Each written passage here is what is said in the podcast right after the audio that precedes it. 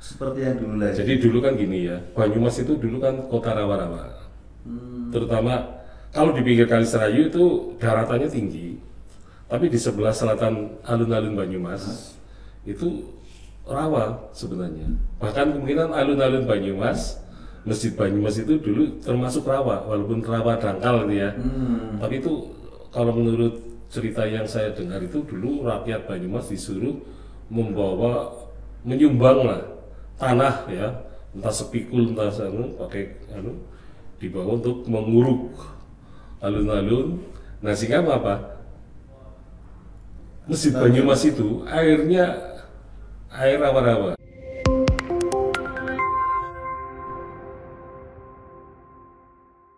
Assalamualaikum warahmatullahi wabarakatuh. Jumpa saya kembali di Fokus Fokus Banyumas Podcast bersama saya Mandor Kulungsu akan membahas semua yang ada di Banyumas. Kali ini bahasanya adalah banjir Sungai Serayu.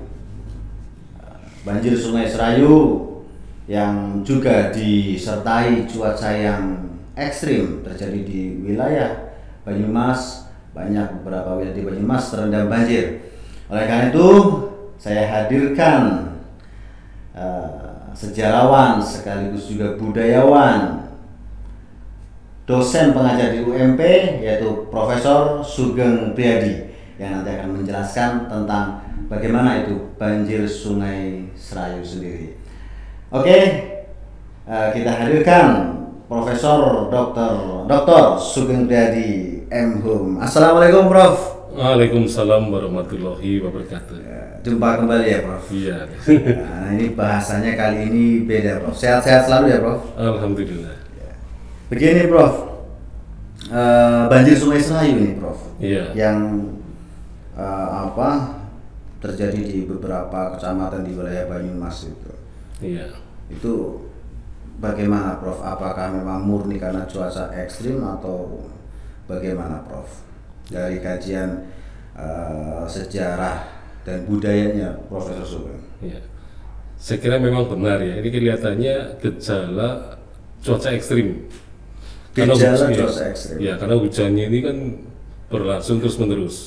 Hmm. Nah, tapi kalau dibanding, dibandingkan dengan ya tahun 1861 Hmm. ya mungkin berbeda ya.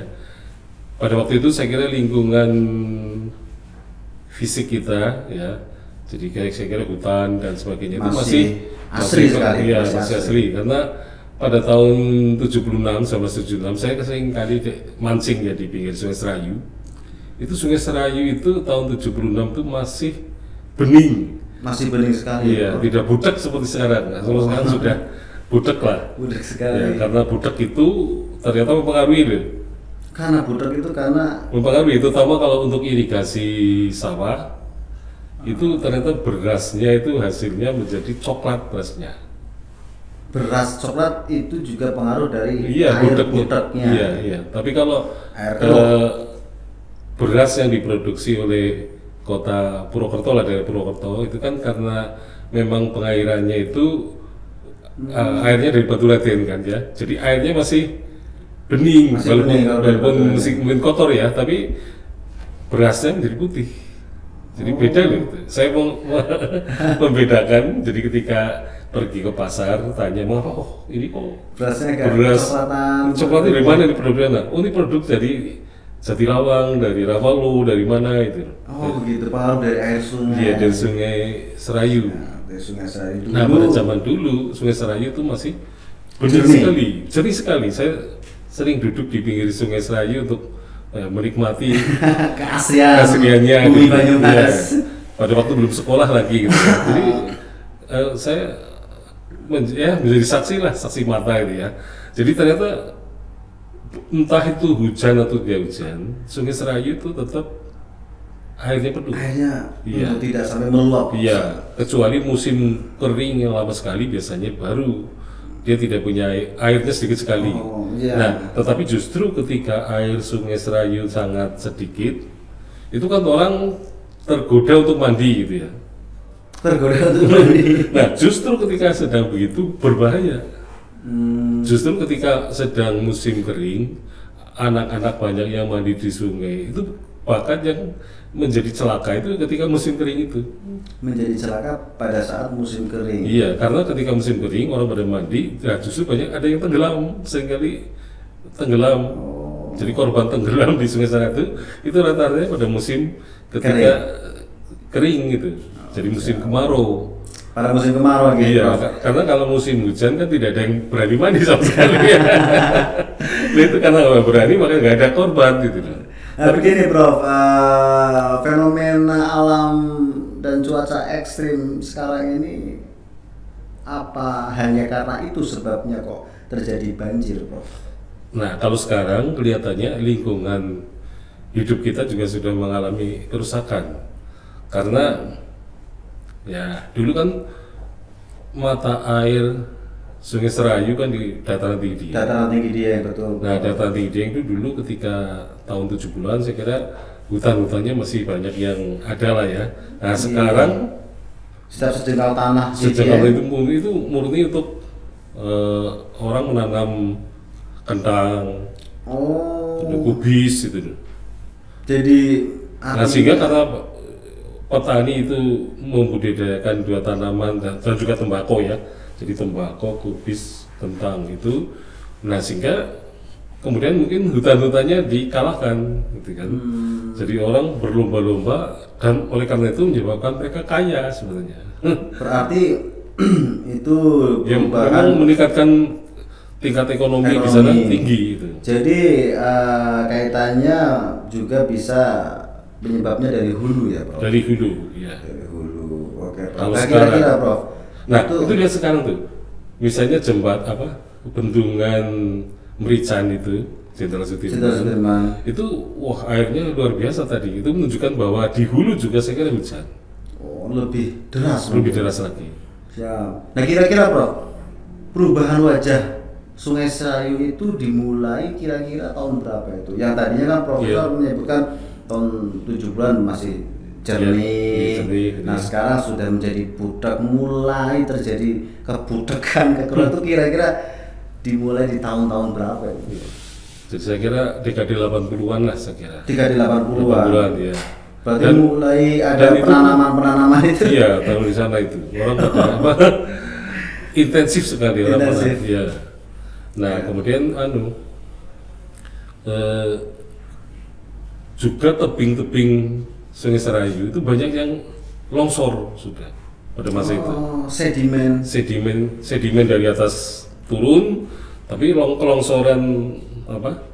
Sehingga anu ada jalan desa Ada jalan di desa. pinggir Sungai Serayu itu ada jalan dari Kota Lapa ke barat itu Nggih. itu lurus ada jalannya dulu. Sekarang sudah hilang, sudah Karena habis ya. Faktor tadi sedimen Longsor. Longsor. Iya. Jadi bagian kota Banyumas yang terutama berkaitan dengan tebing-tebing Sungai itu banyak Hmm. yang longsor sudah. Sehingga banyak eh, tempat-tempat sebenarnya ya di Gedung Ntar itu di Gedung Ntar kan ada situs yang dulu diduga candi, pelatarannya cukup lebar, sekarang Ah, habis. Gedung Uter. Gedung Ntar Candi apa itu? itu candi Hindu gitu. Oh. Karena patung-patungnya juga patung Hindu. Dan sekarang sudah Sudah hilang. habis, habis sama sekali. Pelatarannya habis. Pelatarannya habis. Iya, longsor semua. Longsoran semua itu. Iya. Begini, Prof. eh, dalam kajian sejarah juga dulu ternyata eh, banjir di Banyumas itu juga pernah terjadi yang sangat besar sekali. Iya. Bahkan ada istilah eh, petik mangan manggar. Iya. Nah, apakah ini bahkan ya banyak sekali oke Arab terjadi atau akan terjadi seperti tempo dulu Iya. petik mangan manggar Iya, gitu. iya. Itu gimana itu, Prof? Jadi petik mangan manggar itu kan ramalannya Kiai Merangi Kejawar. Untuk ramalan Kiai Mangga Iya, jadi beliau kan ayah angkat dari Adipati Merapat. atau Joko Kaima. Jokowi itu. Nah, kemudian eh, apa? Memang orang Banyumas pada waktu itu juga tidak tahu apa yang dimaksud dengan betik ya, karena betik itu kan air sungai, apa ikan sungai. Ikan sungai Yang kecil. saya tawar yang kecil-kecil itu. Nah, kok bisa sampai ke atas gitu ya? Bisa di atas kelapa pohon kelapa. Pohon kelapa gitu ya. Iya. Nah, pikirannya apa itu. Tapi setelah terjadi banjir itu memang eh, masyarakat Banyumas baru tahu oh, itulah yang dimaksud dengan petik makan makan. Nah, berarti itu saat itu pohon kelapanya setinggi A. Jadi itu sebenarnya eh, pohon kelapanya itu 3 meter lah. Jadi itu di sebenarnya digambarkan bahwa pohon kelapanya itu setinggi ketika pertama kali berbunga. Oh, ketika pertama kali berbunga setinggi ketika pertama kali Kali berbunga. Berarti sekitar 2 meter 3 meter. Iya 3 meteran itu Oh, saya jadi bukan seperti Iya, pohon kelapa yang menjulang Iya, yang tua itu, ya. Oh, Iya. siap. Karena kalau itu terjadi itu lebih gawat lagi, lebih parah lagi. gitu. Karena ternyata setelah diurut-urut itu ya, tempat banjir yang paling parah itu memang di kota Banyumas. Tapi begitu naik ke arah perbukitan itu ternyata tidak sampai ke misalnya desa Pesinggangan. Ya, pesinggangan agak tinggi.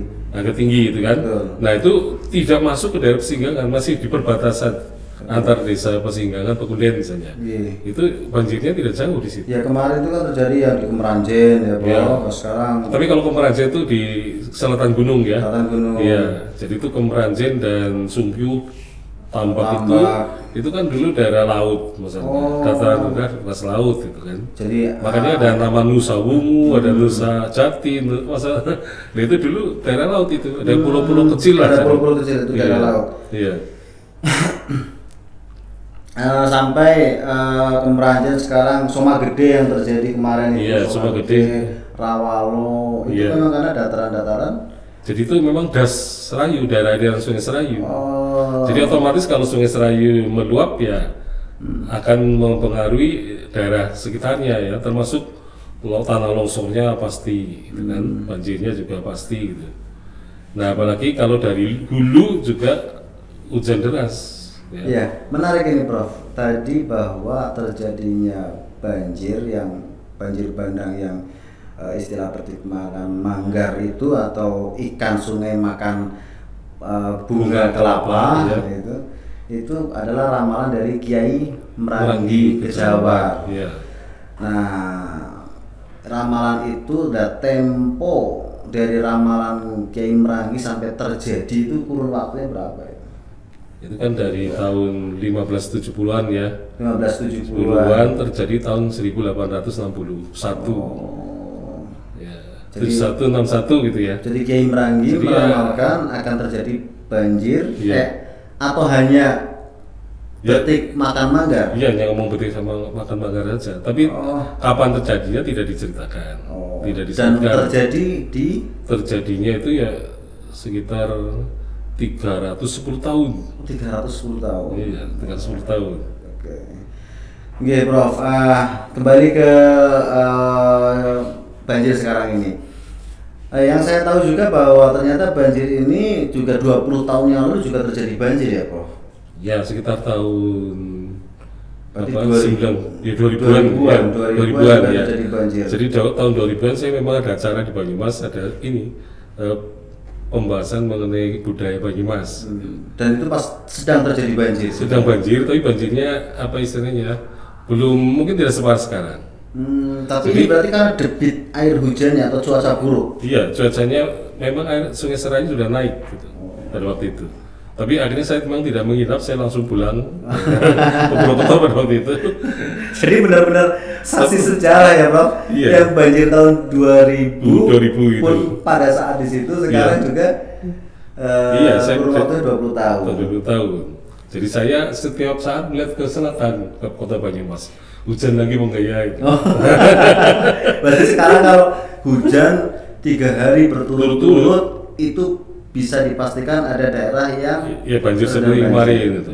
Jadi bisa terjadi peristiwa 1861 itu terulang gitu ya. Nah kira-kira Prof, apakah dengan fenomena alam itu ad- dari pemerintah sendiri bisa tidak membuat eh, apabila debit air hujan itu memang deras sekali ya, Iya. agar tidak terjadi keparahan banjir. gitu. Solusinya itu apa Prof? Iya. Menurut kajian Profesor? Ya, saya kan membaca apa ya. Jadi dari sekian banyak tanaman yang bisa mengurangi gitu ya, Hmm. mengurangi banjir, mengurangi longsor, itu sebenarnya nenek moyang kita sudah memuliakan pohon itu. Artinya pohon itu sangat dihargai dengan dipakai oleh dalam simbol ya, misalnya kain. Kain. Jadi misalnya ada kain kawung, batik Kawung. kawung ya. Batik kawung itu kan pohon aren, Pohon lah. aren itu Iya, kawung. Iya, buah aren. Jadi kan dulu zaman dulu orang-orang terhormat itu selalu menggunakan batik Kawung. Motif motif kawung. kawung. Oh. Karena memang tanaman itu dari hasil penelitian orang asing itu dianggap sebagai pohon yang sangat ajaib, pohon ajaib, Pohon ajaib. ajaib. Pohon aren itu. Iya. Karena pohon aren itu kalau ditanam dia paling tidak akan mengurangi longsor. Hmm. Terus akarnya sangat menyerap air. Akarnya sangat menyerap air. Iya. Nah, kalau apabila sekarang sudah banyak terjadi banjir seperti ini, Iya. masih masih memungkinkankah penanaman pohon aren Ya nanti setelah banjir ini mestinya harus di- eh, mulai? Iya, harus mulai itu. Jadi kalau menurut saya yang ditanami ya di perbukitan dan kemudian sepanjang sungai. Nah nanti pekarangan-pekarangan setelah itu. Jadi yang mayor apa yang eh, apa yang didahulukan itu bukit-bukit dan juga iya masal. penanaman masal pohon Iya, aren. iya, iya. Ini salah satu solusi ya, Iya. Prof ya. Dan itu nanti juga ada akibat ekonominya. Oh, dari Jadi- kemanfaatan pohon aren tersebut. Iya, pohon aren itu kan pertama bisa dibuat gula ya, Ya, bisa Iya. dibuat gula aren. gula aren. Dan bahkan lebih baik daripada Baik. gula biasa. Iya, kelapa. Kelapa. Iya. Jadi kualitasnya bagus, terus bisa untuk orang-orang yang kena diabetes ya, minum Iya. bebas ya. Gitu. Tapi manisnya sangat manis. Tetapi yang terpenting itu adalah bisa membuat membuat apa? bioetanol. Bioetanol. Iya. Jadi itu apa? Bioetanol kualitas tinggi gitu. Pohon aren tersebut. Iya. Jadi kalau misalnya itu ditanam, katakanlah wilayah Indonesia ditanami aren semua Bisa. dan diurus oleh seluruh bangsa Indonesia, maka ketika bangsa Indonesia semuanya bekerja ngurusi pohon aren, tidak ada pengangguran. tidak ada pengangguran, bahkan kekurangan tenaga kerja. Malah bisa mendatangkan tenaga kerja dari sana karena kita kekurangan. Iya, kekurangan. karena kita kekurangan. Nah, kalau itu bioetanolnya bisa diproduksi, maka tidak perlu lagi mengambil eh, fosil ya, terutama untuk bahan bakar. Bahan bakar. Iya. Jadi artinya pohon aren selain kemanfaatannya tadi juga bisa untuk gula, bioetanol, longsor dan banjir. longsor dan banjir. Iya, dan menumbuhkan sumber air, mata airnya. Bisa menumbuhkan sumber air. Iya. Dan pasti di bawah atau di sekitar pohon aren itu pasti airnya akan jernih, tidak butek gitu. Jadi ternyata orang dulu sudah sudah itu ya, Iya, Prof. tetapi Dari kelihatannya kawung itu iya, sendiri. Iya, bagi kampung sendiri sudah Eh, sudah memberikan memberikan simbol. Simbol ya. Makanya kan nenek moyang kita kan sering memberi nama tempat Gunung Mas, oh, berarti kemungkinan di situ ada Gunung Mas. Oh. Di Banyumas, nama Banyumas saja kemungkinan besar karena kita belum tahu. Mungkin Banyumas adalah juga termasuk daerah emas juga. gitu. Tapi kan kita belum Belum melakukan melakukan itu. melakukan apa istilahnya penelitian Nah, ya. adanya banjir-banjir sekali terpikirlah bahwa ternyata orang terdahulu pun menanam pohon aren bukan hanya untuk ekonomi saja, Iya. tetapi juga untuk menghambat ataupun eh, Tanah longsor tanah longsor dan banjir. dan banjir bisa Iya. menimbulkan mata air baru. Baru. Bahkan dulu bisa buat sambetan ya, Prof. Iya. Terus ada lanangnya. Iya suatu lanangnya. gitu.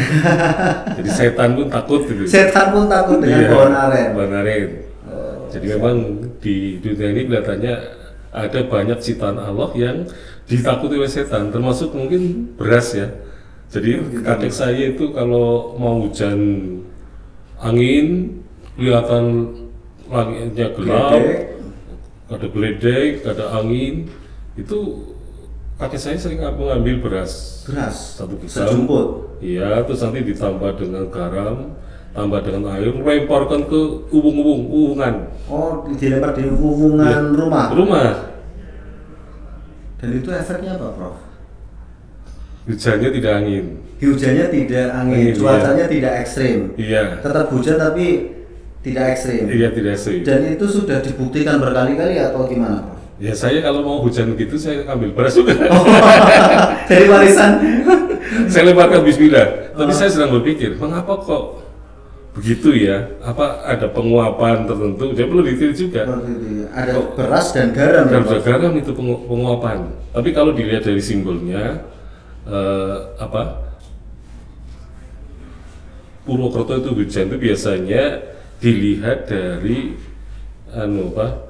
Awan gunung dan awan laut bertemu di Purwokerto kelihatannya. Oh, awan gunung. Dan awan laut, laut dan gunung. Jadi yang gunung turun ke, ke selatan, yang selatan ke utara, ke sini. Maka di Purwokerto sering kali berbenturan antara dua awan itu. Ketika belum hujan, panasnya bukan main, Panasnya semromong ya, semromong Pak? gitu kan. Nah, tapi setelah begitu hujan, lebih dingin, gitu kan. Dan hujannya biasanya Deras sekali. deras dan berpetir, berpetir dan durasinya lama. lama. Iya. Jadi saya karena titen lah ya di Purwokerto tiga tahun waktu- masih di apa, eh, masih sekolah itu niteni itu ya. Hmm, Sehingga saya belum pernah kehujanan di kota Purwokerto ketika pulang sekolah karena sudah ngerti oh ini mau hujan. Oh, saya baik. cepat pulang. artinya berarti uh, ilmu titen itu ya. Ilmu titen, dan ya. ternyata juga kalau Terus gini, kalau misalnya kita melihat Gunung Selamat, Hmm, kalau Gunung Selamat separuh tertutup awan pada pagi hari, itu biasanya Purwokerto nanti sore akan hujan. di Gunung Selamat apabila Ada awan, awan menutupi kabut lah ya, kabutnya menutupi bagian separuh itu ke bawah. Purwokerto sorenya Sorenya hujan.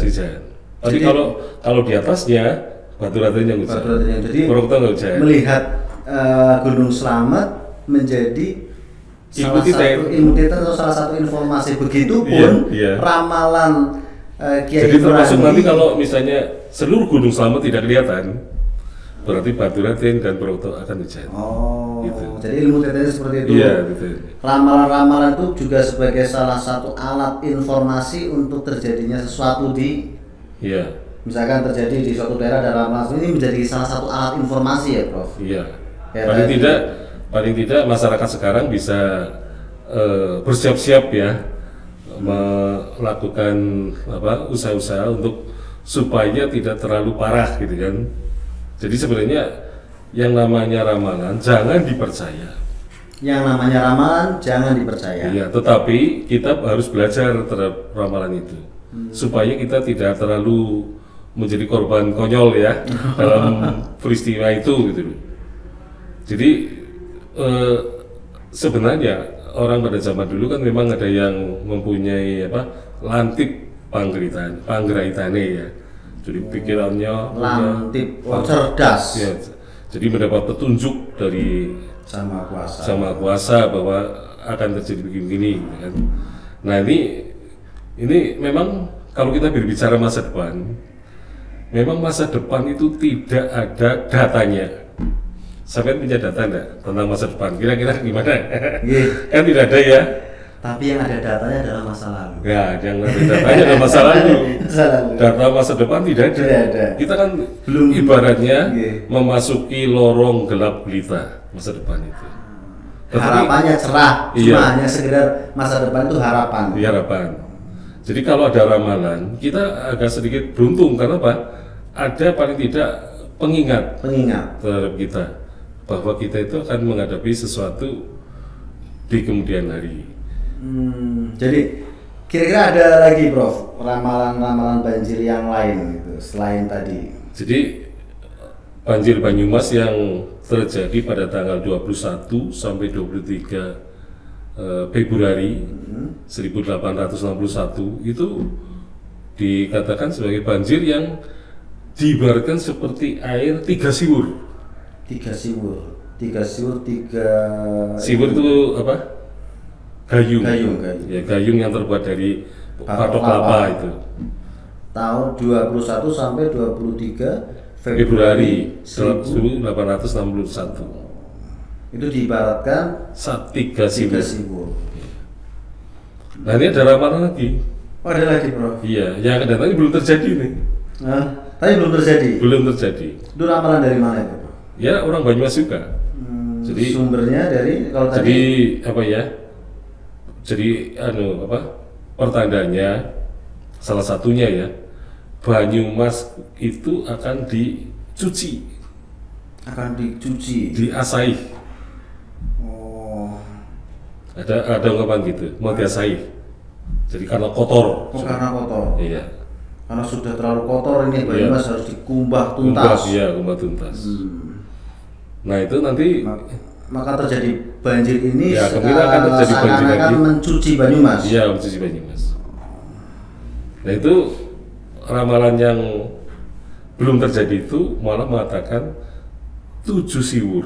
Tujuh siwur. Iya. 1861 tiga siwur. Tiga siwur.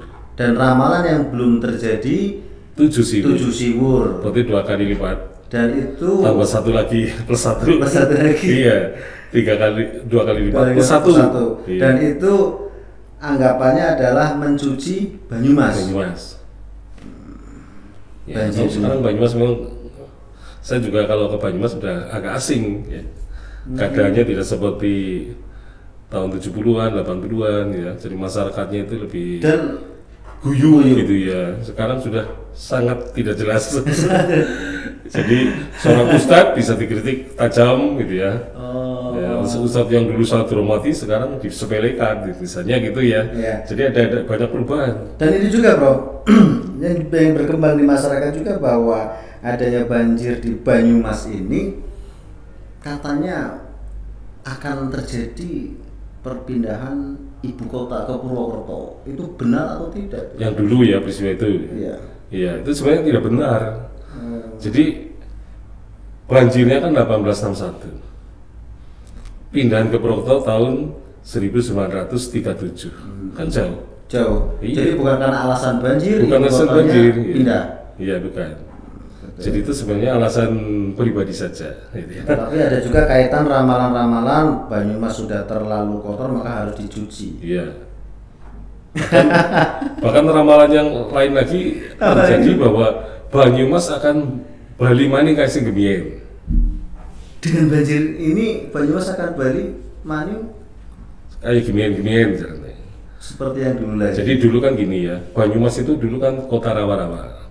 Hmm, Terutama kalau di pinggir Kali Serayu itu daratannya tinggi, tapi di sebelah selatan alun-alun Banyumas itu rawa sebenarnya. Bahkan kemungkinan alun-alun Banyumas, Masjid Banyumas itu dulu termasuk rawa, walaupun rawa dangkal gitu ya. hmm, Tapi itu kalau menurut cerita yang saya dengar itu dulu rakyat Banyumas disuruh membawa menyumbang lah tanah ya entah sepikul entah anu pakai anu dibawa untuk menguruk alun-alun.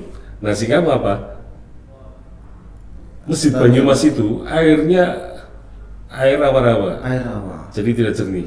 Oh, jadi itu Jadi- selatan Selatan selatan Serayu. Ya, jadi selatan pendopo Selatan sebenarnya. Pendopo. Ya kalau katakanlah SMP lah, SMP itu mungkin batas Oh, SMP Banyumas itu dan SD Negeri 2 Sudagaran Sudagaran. itu batas. Nah sebelah selatannya itu masih rawa, hmm, dan itu dulu rakyatnya nguruk dengan tanah. nguruk dengan tanah, ceritanya begitu. Nah sehingga kemudian dibangun masjid. Karena dulu kan kota itu dulu namanya kota Selarong. Oh iya, kota Selarang. itu. Kota Selarong itu kota yang menghadap ke utara ke Sungai Serayu. Jadi Sungai Serayu itu adalah latar depan.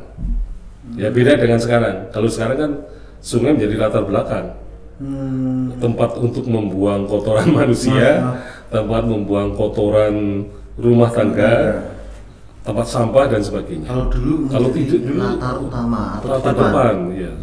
Jadi ibaratnya itu adalah jalan raya. Jadi orang tidak akan membuang sampah di depan. Oh, berarti fenomena alam Iya. dan kesadaran kita membuang sampah em, membuang sampah tidak pada tempatnya ya. Iya, itu karena ada jalan raya darat sekarang. Dulu kan jalan rayanya lah, sungai. Hmm, Orang menggunakan perahu, ada perahu tambang untuk menyeberangi sungai, gitu ya. Nah sehingga pakai itu sehingga kota Selarong itu menghadap utara, Menghadap utara. menghadap Gunung Selamet, juga menghadapi Sungai Serayu. Sungai Serayu. Jadi Serayu itu menjadi Acuan. ya. acuannya latar Iya. depan dari kota Ah, Selarong. Nah, sekarang menjadi latar belakang. Belakang, iya. Oh, iya. berbeda jadi nah makanya di pinggir sungai Serayu itu ada eh, namanya Dukuh Sri Manganti Menganti Hmm, karena kata menganti itu adalah tempat orang kalau mau sowan kepada Adipati Hmm. itu harus menunggu di balai si Manganti itu jadi Manganti itu di dekat sungai Oke, daerah sungai itu Jadi ah, Serayu sendiri, Prof. Serayu sendiri itu memang nama asli Serayu atau bagaimana? Atau dulu juga ada? Eh, tadi dibi- dibilang eh, Profesor mengatakan bahwa Serayu dulu di Selarong itu menjadi latar depan. Iya. Peradaban-peradaban di Serayu itu apa saja? Prof? Jadi Serayu itu, nah ini belum ada orang meng- meneliti mengenai hubungan sungai dan peradaban. Belum ada, Prof. Belum ada, terutama yang di lokal sekarang ya. Misalnya eh, Bengawan Solo, Oke. ini pengaruhnya terhadap peradaban Jawa itu apa? Kelihatannya belum, belum ada yang mendalam itu. Nah termasuk Sungai Serayu. Nah ternyata Sungai Serayu itu sepanjang alirannya itu itu me- meninggalkan peradaban yang sebenarnya luar biasa.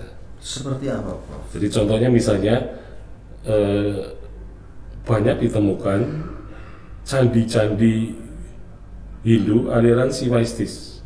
Aliran Siwaistis. Jadi menyembah Dewa Siwa. Hmm. Sehingga di situ pasti ada lingga, ada yoni, ada Dan itu ditemukan di sepanjang Serayu. Serayu. Iya. Sampai ke dataran tinggi Dieng.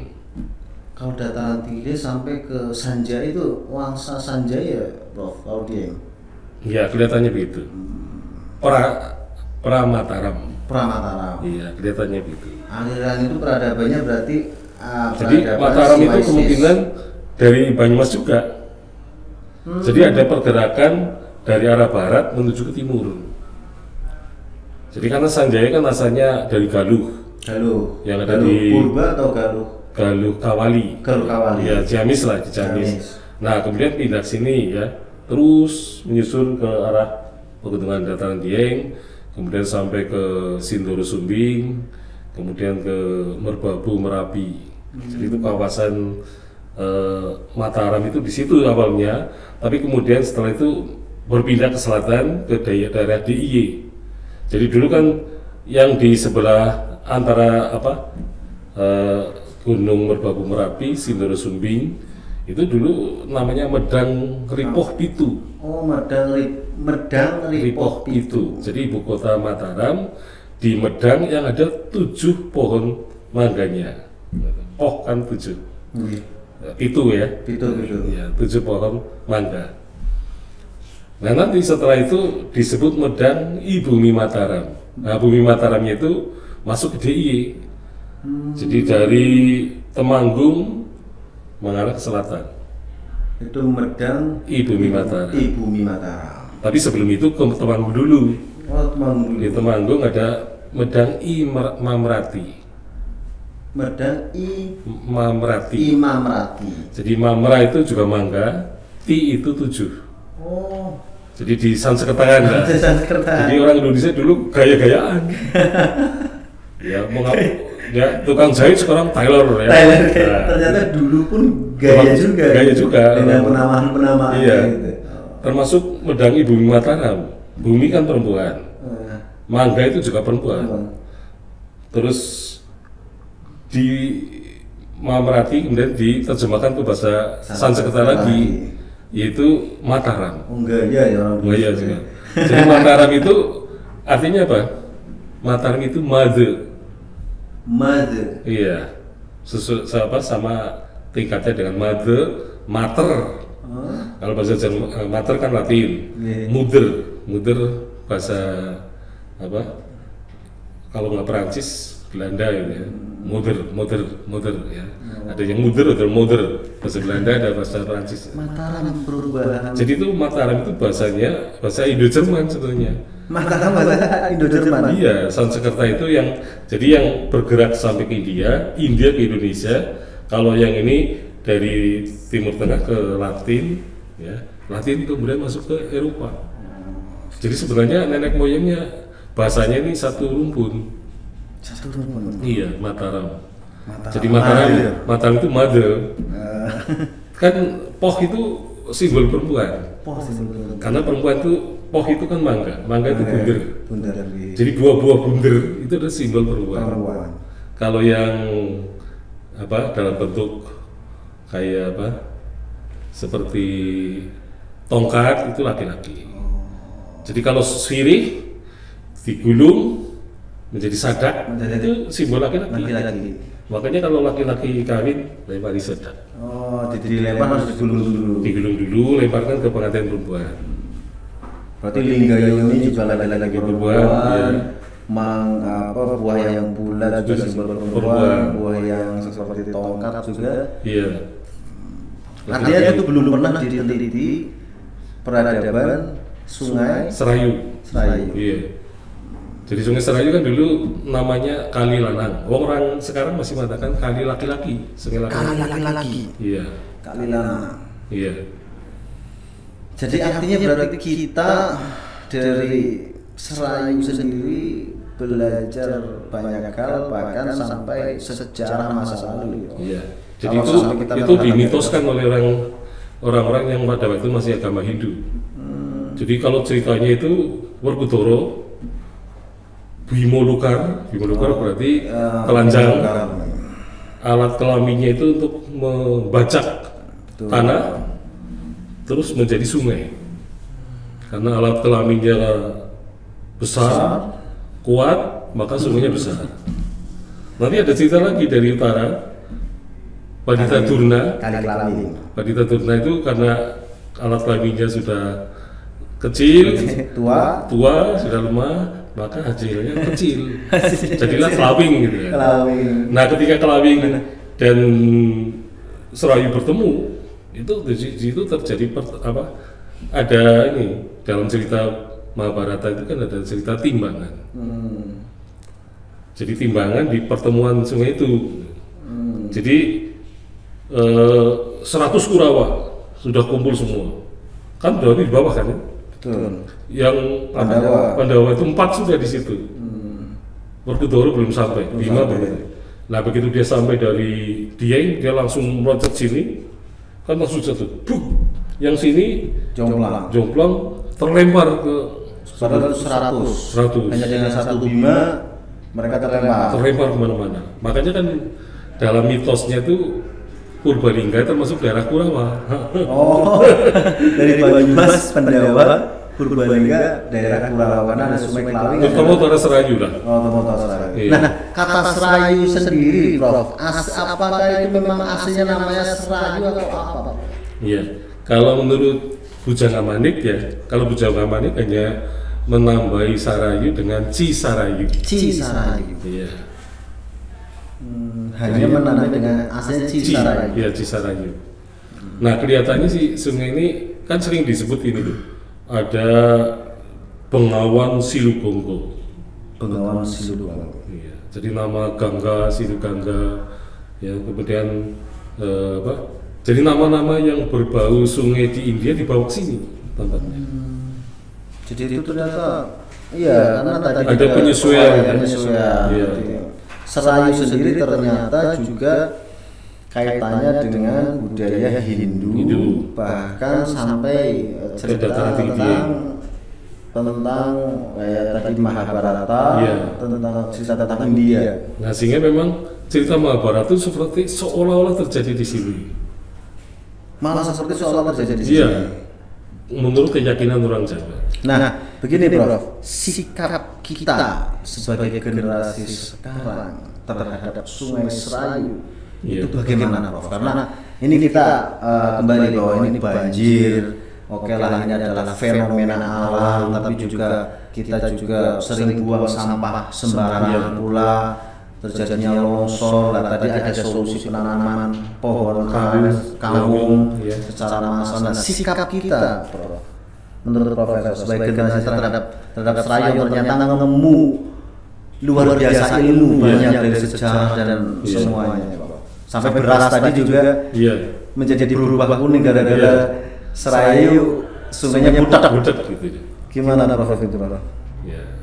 Jadi saya kira generasi muda ya harus apa ya eh, memelihara lah lingkungan Ekosistem. ekosistemnya memang sekarang mungkin jauh lebih rusak bahkan mungkin rusak sekali lah kalau dipandang dari eh, tahun 1861 jadi tahun 1861 saja lingkungannya masih bagus ekosistemnya ya terjadi banjir. terjadi banjir juga gitu. Nah sekarang apalagi sekarang lingkungannya sudah rusak. Iya, lebih parah lagi. Makanya kalau sampai terjadi tujuh sibur, Wah. ya wajar saja sebenarnya. Jadi Jadi memang kalau ide saya sih itu tadi penanaman pohon kawung itu tidak hanya di daerah Banyumas saja, tapi dari hulu.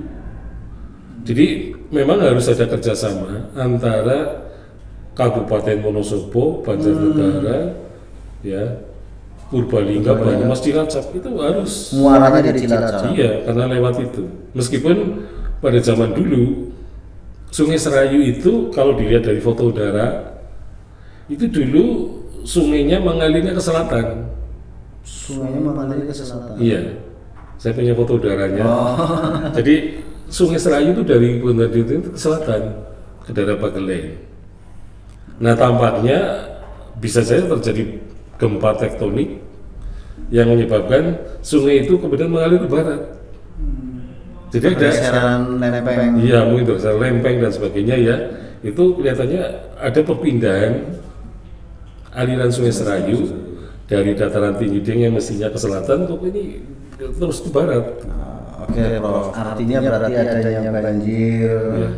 itu karena benar-benar terjadi fenomena yang ekstrim, cuaca yang ekstrim dan mulai kita bangun kesadaran untuk tidak buang sampah sembarangan Iya. juga menjaga ekosistem eh, Serayu dan Anak-anak sungainya. anak-anak sungainya. Iya. Dan Karena kalaupun di dari Dieng itu katakanlah ya ekosistemnya diperbaiki, tapi kalau anak-anak sungainya itu juga airnya juga luar biasa itu seperti kali sapi misalnya ya, kali Kali-kali sapi, Kawin. kali-kali. Nah itu kan banyak yang mengalir ke bermuara ke Sungai Serayu. Ya, jadi artinya berarti tadi kayak ada pernyataan bahwa yang banjir di Banyumas itu adalah uh, sebagai alasan perpindahan ke Purwokerto Iya. itu tidak benar. Tidak Prof. benar. Itu nah, itu banjir itu pengaruhnya jangan dilihat bahwa itu hanya di Dasrayu. Hmm. Tapi Dasrayu mungkin eh, kawasannya lebih luas. Jadi contohnya nih ya. Sekarang misalnya banjir sekarang, ini Soekarjo sudah kena nih, Klaving. Jadi kalau sungai Serayu itu meluap, pasti sungai Klaving juga meluap. Oh. Anak-anak sungainya pada meluap semua. Nah, dulu ceritanya, ini dari cerita rakyat ya, folklore rakyat. Itu di desa Jompo, Jom, sebelum menjadi Jompo Kulon Jompo Wetan, itu dulu ada folklore yang mengatakan bahwa korban banjir Banyumas itu banyak di situ. Berarti saking besarnya saat itu. Iya, jadi saking banyak berarti melebar kota terus. Jangan-jangan Purwokerto juga banjir meskipun Oh. kecil ya. Nah sekarang saja eh, kali pelus saja Kali Pelus itu sudah adanya di Arcawinangun tebingnya kan banyak yang hancur. Iya. Jadi airnya tadi malam mungkin kelihatannya tak tinggi sehingga rumah yang di dekat su- apa sungai itu, Sungai itu banyak yang guguran, ya tergerus juga. tergerus. Oh, Dan itu juga ada rumah yang dileduk terbawa banjir juga. Ada dua orang yang katanya terbawa banjir kan berarti itu baru ibarnya kalau saya mengatakan itu baru sepertiganya sepertiganya ya, banjir yang dulu gitu loh. Oke, Jadi Prof. kalau misalnya nanti malam hujan seperti tadi malam, besoknya hujan gitu, ya mungkin peristiwa 1861 itu bisa terjadi Bisa lagi. terjadi lagi. Oke, Prof. Iya. Artinya bahwa kalau kita eh, berbicara tentang sejarah yang tadi Profesor mengatakan bahwa sejarah itu ada datanya dan kalau kita kupas tidak akan habis habis ternyata juga dari sungai saja artinya kita bisa mendapatkan ilmu-ilmu Iya. yang luar biasa ya Prof. Iya. Ah, mungkin begini Prof, Eh, artinya bahwa di podcast kita kali ini bahwa banjir yang terjadi sekarang ini memang karena fenomena ya fenomena alam yang ekstrim dan juga terjadi di hulu sudah tidak ada pepohonan yang Iya. rindang karena di sana sudah menjadi eh, Lahan pertanian pertanian. di Iya. hulunya tanaman-tanaman pertanian dan kita juga kurang menjaga ekosistem di Serai itu maka eh, artinya bahwa Serai ini menjadi pengingat kita bahwa ternyata kedisiplinan pengabdian kita terhadap alam itu diperlukan supaya tidak terjadi hal-hal yang tidak kita inginkan ya Prof. Jadi Betul. closing statement Prof untuk generasi sekarang menyikapi eh, fenomena alam ini bagaimana Prof? Ya. Jadi banjir itu kan bisa terjadi sewaktu-waktu ya. Termasuk nanti yang tujuh. yang jadi pikiran saya tujuh siwur itu kalau benar-benar terjadi, saya kira korbannya jauh lebih banyak. Jadi yang tujuh siwur itu tidak boleh dipercaya, tetapi kita hati-hati, Waspada. waspada itu ya. Kalau memang terjadi, ya kita mestinya harus mempunyai alternatif ya. Karena ternyata dari banjir tahun 1861 itu banyak orang yang tidak siap mengungsi. Artinya mereka mungkin ingin bertahan di tempat gitu ya. Tapi karena bertahan di tempat, maka mereka ada yang kemudian tidak bisa mengungsi lagi ketika sudah parah ya. Jadi ada yang naik ke ceritanya kan naik ke mana itu atap apa Balisi Panji.